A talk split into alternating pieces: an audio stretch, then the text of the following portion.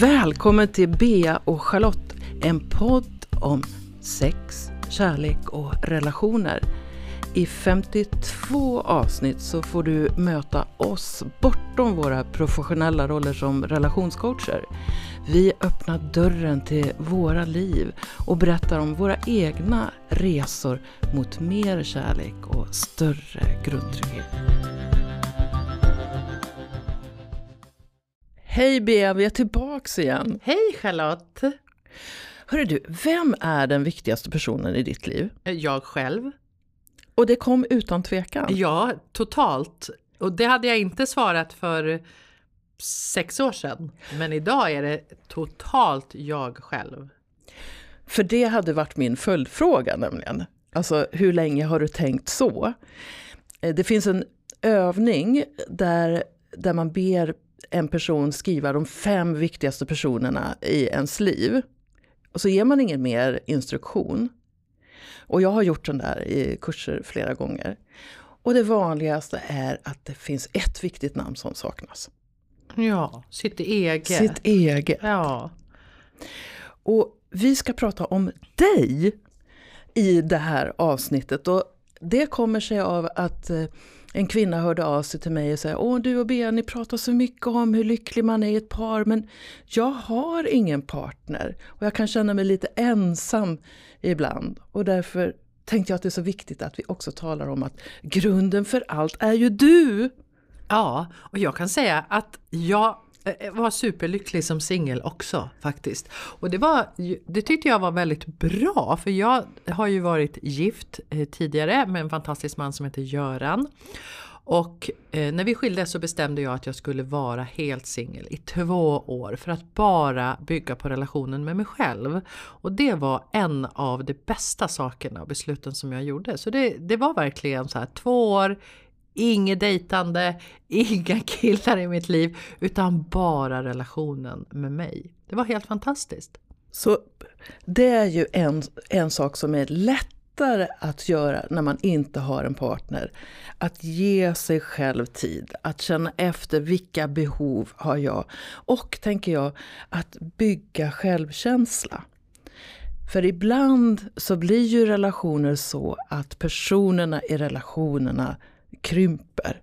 Krymper varandra, det uppstår rädsla och, och sådana här saker. Och då kan det vara väldigt bra att kunna i alla fall ibland gå tillbaks till sig själv och känna här är jag. Jag är värdefull. Jag tänker också på det där att ja, men i relationer kan vi krympa, det behöver ju inte vara kärleksrelationer. Det kan ju också vara vänskapsrelationer eller familjerelationer eller mamma-barn, pappa-barn relationer. Alltså att vi blir mindre. Och min erfarenhet av det är också att när jag gav mig själv plats och det har jag ju gjort i olika perioder och jag gör ju, jobbar ju på det fortfarande. Att, att ge mig själv den platsen jag behöver för att må bra. Jag har, har till exempel haft en fem veckor lång vintersemester därför att jag behöver den återhämtningen och vilan och mycket egen tid. Jag älskar att umgås med andra människor också men det behöver vara en balans i mitt liv. Men när jag kan ge mig själv utrymmet då kan jag också ta det i mina övriga relationer.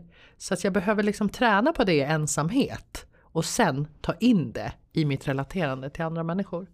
Och det låter ju som en topp toppenstrategi, eh, verkligen, att göra så. Och jag, jag tänker så här också att jag har ju varit en sån relationsnörd genom livet. Jag har ganska korta perioder av att vara eh, singel, kanske två år som eh, mest. Men när jag var ung var jag ofta i relation bara för att det gav mig ett värde. Så det, det, var lite grann av det som vi har pratat om i de senaste avsnitten. Det var inte ett beroende men det var ändå lite relationsmissbruk kan man säga att jag ägnade mig åt. För jag tyckte inte att jag dög själv, jag behövde ha någon att säga.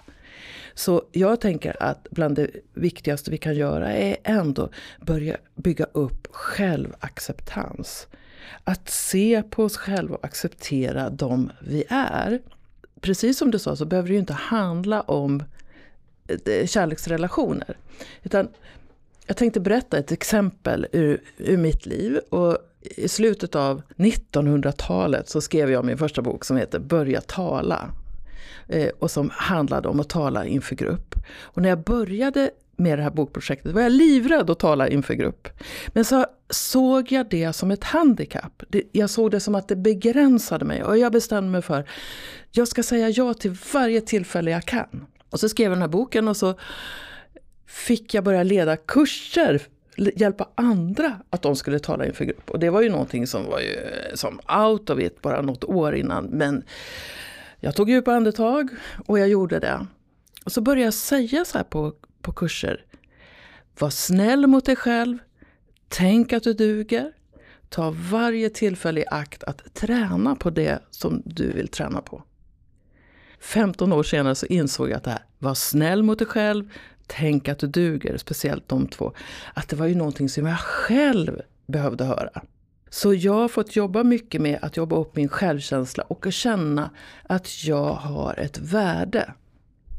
Och det kan du träna på också när du är själv. Jag tänker också till dig som lyssnar, så här, just det här att relationen med oss själva, att sätta oss själv i första rummet. Jag vet inte hur det har varit för dig som lyssnar, men för mig har det i alla fall funnits en viss skam i det. Den här jantelagen, vi ska inte tro att vi är någon, vi är själviska, egoistiska om vi sätter varandra i första rummet. Så att för mig har det också det har funnits ett stort motstånd, inte bara i mig själv utan också vad jag upplevt från liksom samhället i stort. Och jag vet att när jag började min utvecklingsresa eh, för hur många år sedan som helst nu. Då fick jag ofta höra av, till, till och med närma vänner, aldrig från min familj, men vänner som var mig nära då så här. Gud vad du har blivit egoistisk. För de var så van med mitt självuppoffrande sätt så att de gillade liksom inte nya Bea som först och främst tog hand om sig själv. För de ville ju att jag skulle ta hand om dem och finnas tillgänglig för dem hela tiden. Och när jag då började sätta gränser, känna in mig själv, uttrycka behov och vara ärlig i mina relationer, då blev det besvärligt. Så jag vill bara säga till dig som lyssnar och så här, när människor runt omkring dig börjar säga att du egoistisk och besvärlig, då har du börjat satt dig själv i första rummet. Och att göra oss själva viktiga innebär ju att vi fyller på oss själva. Vi fyller på oss själva med den näring som vi behöver. Och när vi är påfyllda så blir vi kärleksfulla, fulla av kärlek. Det rinner över ifrån oss. Det blir liksom ingen brist som vi agerar utifrån och som bränner ut oss och så vidare.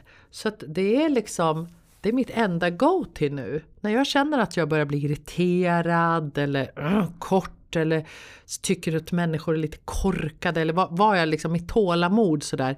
Då fattar jag, nu, Bea, nu är du tom. Nu behöver du gå hem till din egen källa och fylla på här. Och därför är det viktigt att börja lyssna in dig själv.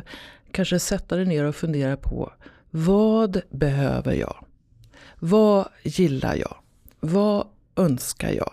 Vad är viktigt för mig? Vad ger mig energi? Vad går jag igång på? För att ibland så kan det vara så att när man är ensam, speciellt om man kommer ur en kärleksrelation så kan man känna som att man har tappat det och vet inte riktigt vad man själv är och så kan man bli en liten offerkofta och det är inte sexigt och roligt. Varken för en själv eller eh, för ens omgivning eh, heller.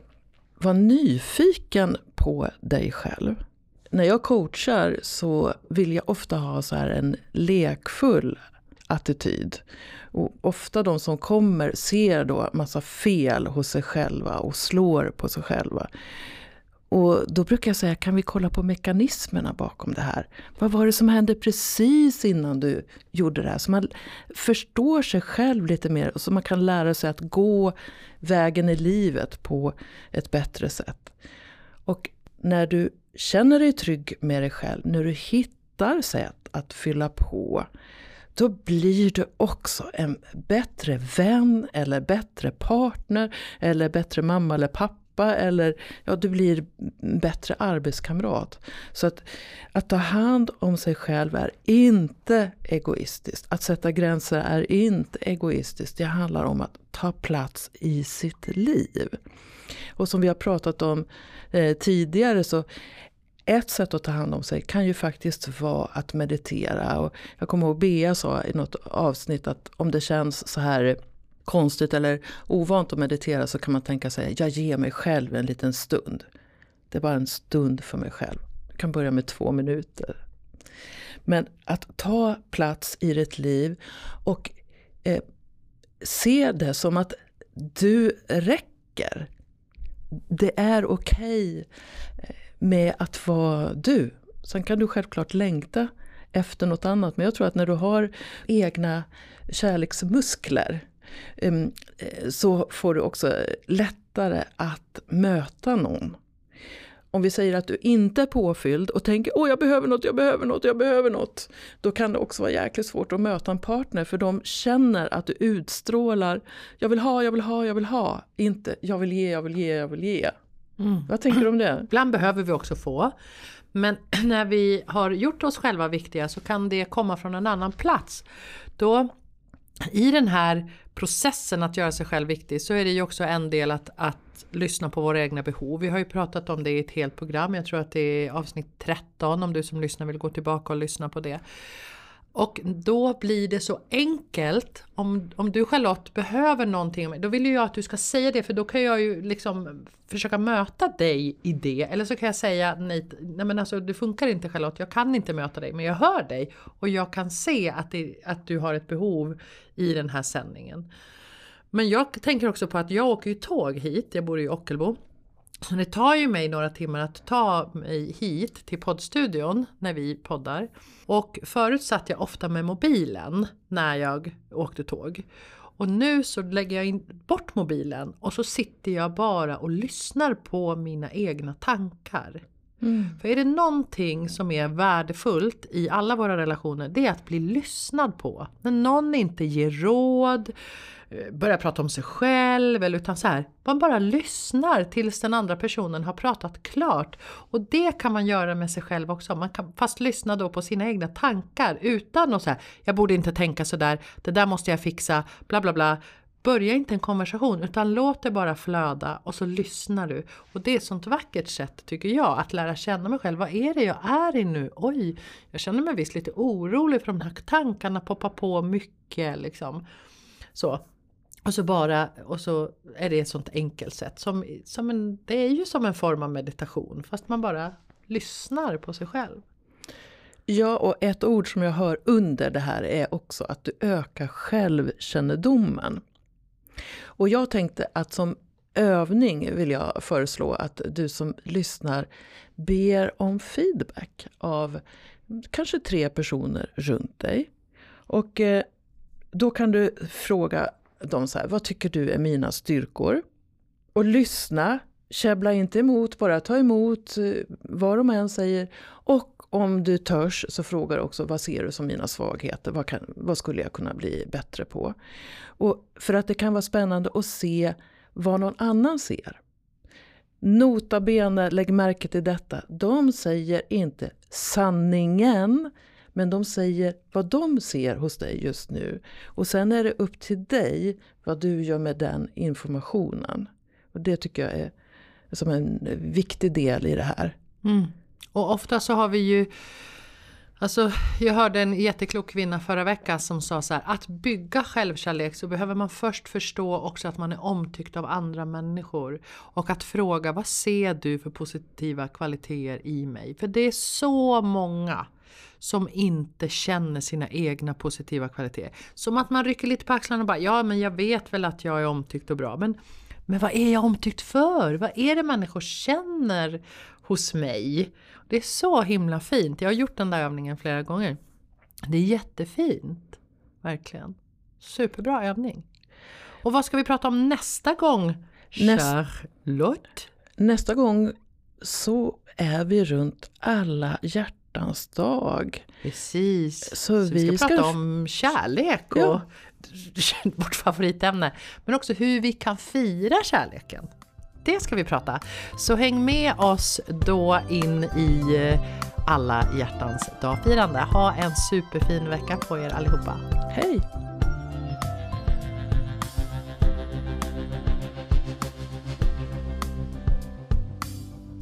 Du har lyssnat på Bea och Charlotte Nästa vecka väntar ett nytt spännande avsnitt. Och se till att prenumerera på podden så kan du höra alla 52 avsnitten. Och Bea hittar du på trainingforlove.com och Charlotte på charlottekronqvist.org.